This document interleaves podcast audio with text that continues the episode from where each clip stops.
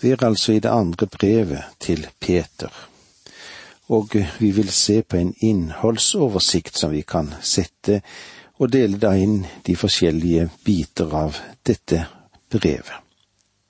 Det første er å praktisere kristen livsstil, at dette gir visshet. Det vil vi se i de 14 første versene i kapittel 1. Nåde og fred i rikt mål gjennom kunnskapen om Gud og vår Herre Jesus. Det er fundamentet som den kristne karakter bygger sitt liv på. Så har vi fra vers 15 til 21 i det første kapitlet Skriftens autoritet bekrefter gjennom fullbyrdet profeti. Skriftene gir lys til lydighet i en mørk tid. Og i kapittel to der vil vi se frafallet kommer gjennom falske lærere. Kirken, menigheten, vi troende må være oppmerksomme på falske lærere og ikke falske profeter. Det fjerde punktet som vi kommer til i de fire første versene i kapittel tre, holdningene til Herrens hjemkomst er en prøve på de frafalne. Og det femte punktet fra vers fem til tretten i kapittel tre, det har vi kanskje sett som Guds plan i verden. Den gamle verden, den nåværende verden, den fremtidige verden.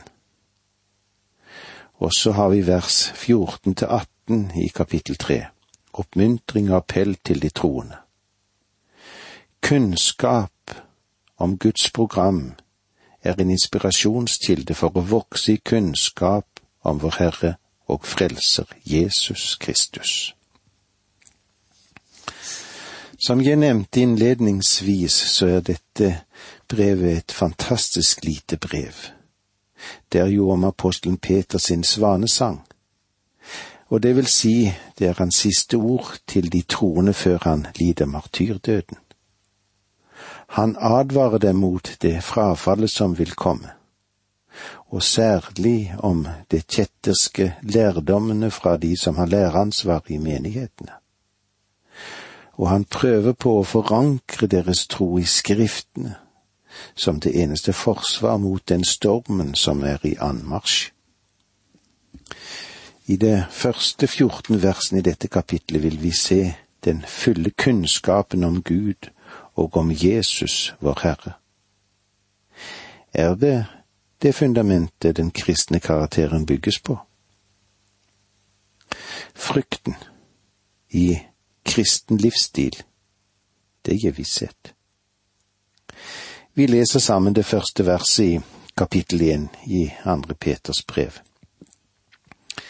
Simon Peter, Jesu Kristi tjener og apostel, hilser dem som ved vår Gud og Frelser Jesu Kristi rettferdighet har fått den samme dyrebare tro som vi. Når vi møter dette lille ordet dyrebar i dette første verset, så må vi merke oss at det er et typisk Peter-ord. Han bruker det flere ganger i sitt første brev, og han er den eneste forfatteren i Skriften i Bibelen vår som bruker dette på denne måten. Det er som å være i stand til å kjenne igjen en håndskrift i et brev. Det er som å se Simon Peter sin signatur når vi ser ordet dyrebar, slik som vi møter den her. Simon Peter danner åpningen på det andre brevet på denne måten. I sin første epistel benevnte han seg selv som Peter. Simon var det navnet han fikk ved fødselen. Men Peter, det som betyr en klippe, er det navnet som Jesus ga ham. Han bruker begge navn i denne epistelen. Simon, den svake mann, og Peter, den sterke mann. Den veike og den klippefaste. Han var her med begge arter. Han var veik og klippefast. Men når han nå skriver denne epistelen, så kan vi være sikre på én ting. Han er en klippekarakter nå. Denne mann vil om kort tid bli korsfestet for Kristus. Simeon Peter, Jesu Kristi tjener og apostel. Ordet tjener, det betyr faktisk slave eller trell. Han tar ikke en opphøyet plass i menigheten og i den sammenheng som han kunne være i. Han henviser seg selv som en slave, som en trell, men også som en apostel. Det er jo hans autoritet, det. Men legg merke til at han ikke sier apostel, men bare en apostel. Han var bare én av flere. Hilse dem som har fått den samme dyrebare tro som vi. Det er en vidunderlig formulering vi har foran oss her. Når han bruker ordet tro, så forstår jeg det slik at han tenker på hele den totale sannhet som vi kaller evangeliet. Han sier, dere har tatt imot den, og det er opp til dere hva dere vil gjøre med den. Grunnen til at en del mennesker ikke kommer til Kristus, understrekes i Guds ord. Og det skal vi legge merke til i andre Korinterbrev 3, 15 og 16, hvor det står Ja, helt til denne dag ligger slør over deres hjerte hver gang Moseloven blir opplest. Men når de vender om til Herren, blir sløret tatt bort. Er så det ganske klart at når hjertet vender seg til Herren, så blir sløret tatt bort.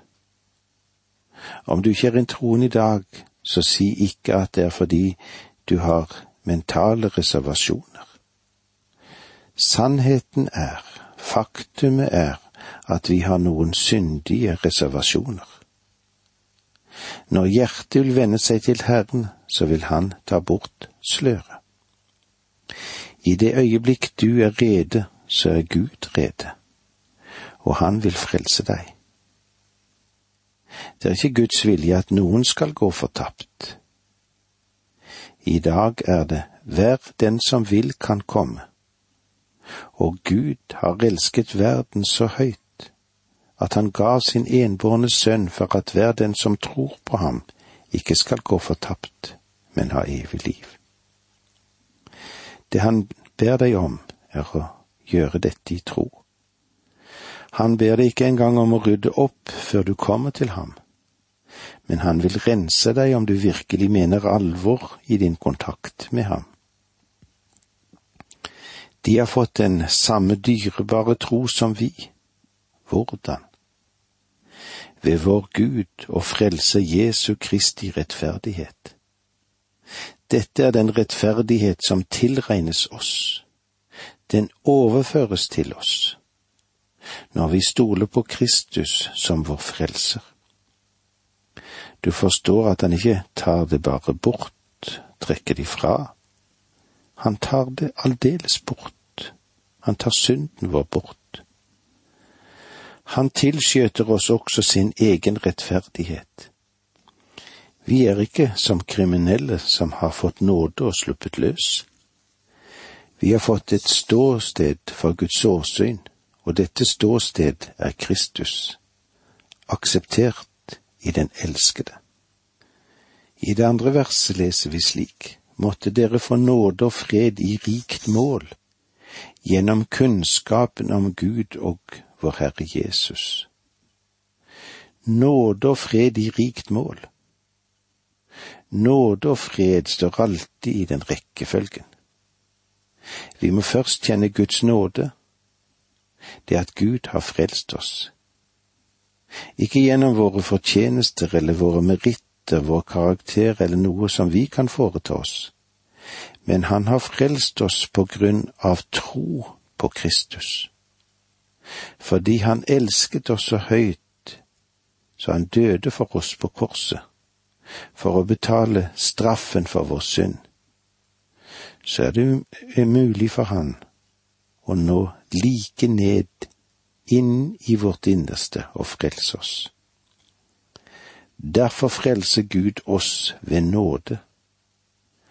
Han frelser oss ganske enkelt ved at vi stoler på Kristus. uten noen som helst krumspring fra vår egen side. Og når vi erfarer Guds nåde, så kan vi også oppleve Guds fred. Det er det Paulus sier i brevet til romerne i det femte kapittelet vers én. Da vi nå altså er rettferdiggjort ved nåde, har vi fred med Gud ved vår Herre Jesus Kristus. La meg igjen få lov til å peke på at vi kan ikke se Simon Peter som en betydningsløs fisker. Som vi fikk se i hans første brev, så tar han opp flere læresetninger i et kort brev. Ja, på en underlig måte i den nytestamentlige tid og dens forfatter. Han tar opp alle de kontroversielle sakene, og han behandler dem på en mesterlig måte. Og det vil vi òg ta med oss når vi går videre i dette brevet når vi møtes igjen neste gang, men det var så langt vi kom i dag. Takk for nå, må Gud være med deg. Dette undervisningsprogrammet består av to deler. Åge Nevland fortsetter nå med andre del av dagens undervisning. Vi er i 2. Peters brev. Vi er i, helt i begynnelsen dette brevet, og i kapittel 1 vers 2 leser vi slik.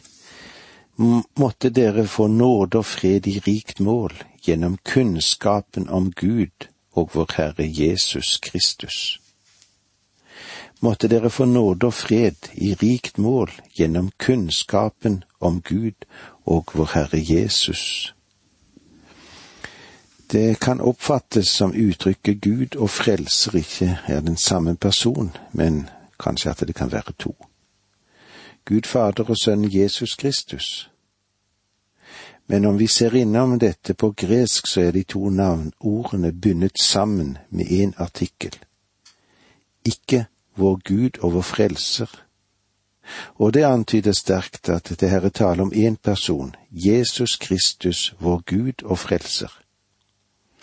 Og dette bekreftes ved at vi tar den samme konstruksjonen i første Peter 1.3, Gud og Far, der Gud og Far er én og samme. I ham bor hele guddommen. Frelser er et av de store navn på Gud i Det gamle testamentet. I virkeligheten tar Peter dristig i når det gjelder de gammeltestamentlige navn for Javé, og bruker det på Jesus, nettopp som han gjorde det i sin tale på pinsedagen. Som i Peters første brev så ønsker apostelen oss å lære at i vers to står det måtte dere få nåde og fred i rikt mål gjennom kunnskapen om Gud og vår Herre Jesus Kristus. Nåde og fred i alltid større mål, i et alltid fullere mål og rikere fylde.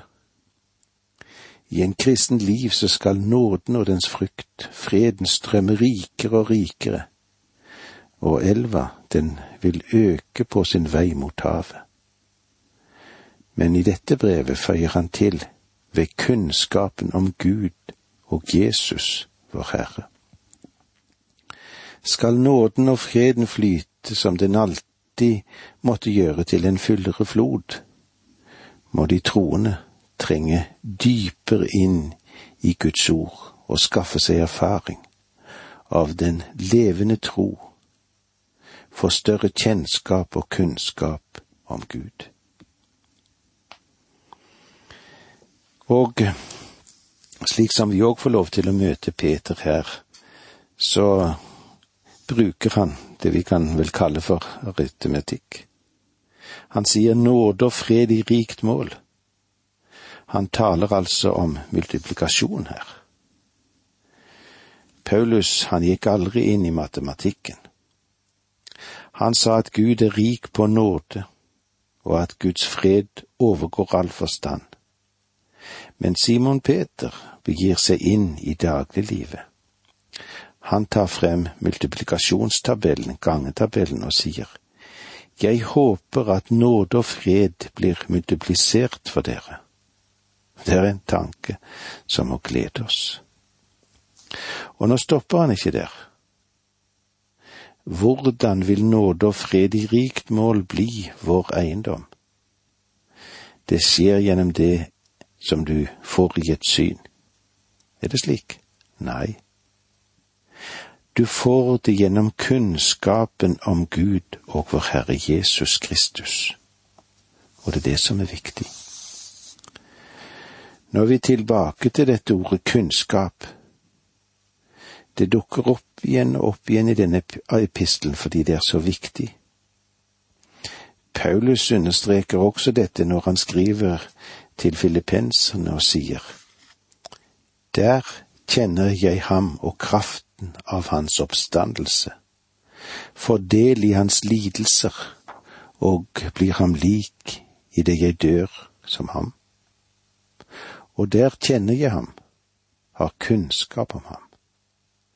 Kristendom er en person. Vi skal ikke bare tro ham, vi må kjenne ham. Han er den levende frelser som i dette selvsamme øyeblikk sitter ved Guds høyre hånd. Det profeten Daniel skrev om i kapittel 11 vers 32, var på denne måten, men det folk som kjenner sin Gud, står fast og viser det i gjerning. Du er ikke i stand til å gjøre noe for Gud når det gjelder tjeneste før du kjenner Jesus Kristus. Hvordan kommer denne kunnskapen til deg? Vel, Peter lar det ikke være i tvil om det. Han lar det ikke henge i tomme luften. Når han har ført deg gjennom denne epistelen, så vil du få vite at kunnskapen om Jesus Kristus kommer gjennom en kunnskap om Guds ord, Guds faste og Guds sikre ord. For, å illustrere hva Peter mener med kunnskap om Gud, la meg bruke et eksempel som en kjent mann brukte, som ikke lenger lever nå. Sett at noen skulle spørre meg, kjente du kong Harald den femte? Da ville jeg svare nei, jeg kjente ham ikke. Men du har da vel hørt om ham? Ja. Og du har sett ham? Ja, jeg har til og med sett ham seile en gang, og hørte han gi meldinger til mannskapet sitt, men jeg kan egentlig ikke si at jeg kjente ham. Sett nå at han kom inn på ditt kontor ville du ha kjent ham? Jeg tror at jeg ville ha gjenkjent ham, men jeg kan ikke si at jeg ville ha kjent ham. Jeg kjenner svært lite til hvordan han opplevde en rekke forhold, og jeg går ut fra at hans familie og andre nære venner kjente ham, men jeg kjente ham ikke. Når Peter skriver på denne måten, måtte dere få nåde og fred i rikt mål gjennom kunnskapen om Gud og vår Herre Jesus. Så bruker han det greske ordet epignesos, som betyr kunnskapen som ligger over. Det er en kunnskap som kommer ved at Den hellige ånd tar deg som hører Kristus til, og gjør det virkelig, gjør det levende for oss. Og jeg tror at du kan kjenne Jesus Kristus bedre enn du vil kjenne dine egne nærmeste. Og du kan si ting til ham som du ikke for ditt bare liv ville fortelle den som står deg aller nærmest, kanskje. Det viktigste er, det er å kjenne ham og det evige livet. For å kjenne ham på en slik måte må du først bli født på ny, slik som Peter sier det ikke i kraft av forgjengelig, men uforgjengelig sæd, ved Guds levende ord, som er og blir. 1. Peter 1, 23. La oss gå litt videre i dette brevet, i kapittel 1, vers 3. Da vi lærte ham å kjenne som kalte oss ved sin egen herlighet og kraft, ga hans guddommelige makt oss alt som tjener til liv og Guds frykt. Hans guddommelige makt har gitt oss alt som er nødvendig for at vi skal kunne leve livet i all sin fylde. Jeg vet ikke hvordan det er med deg, men jeg har alltid ønsket å leve fullt ut.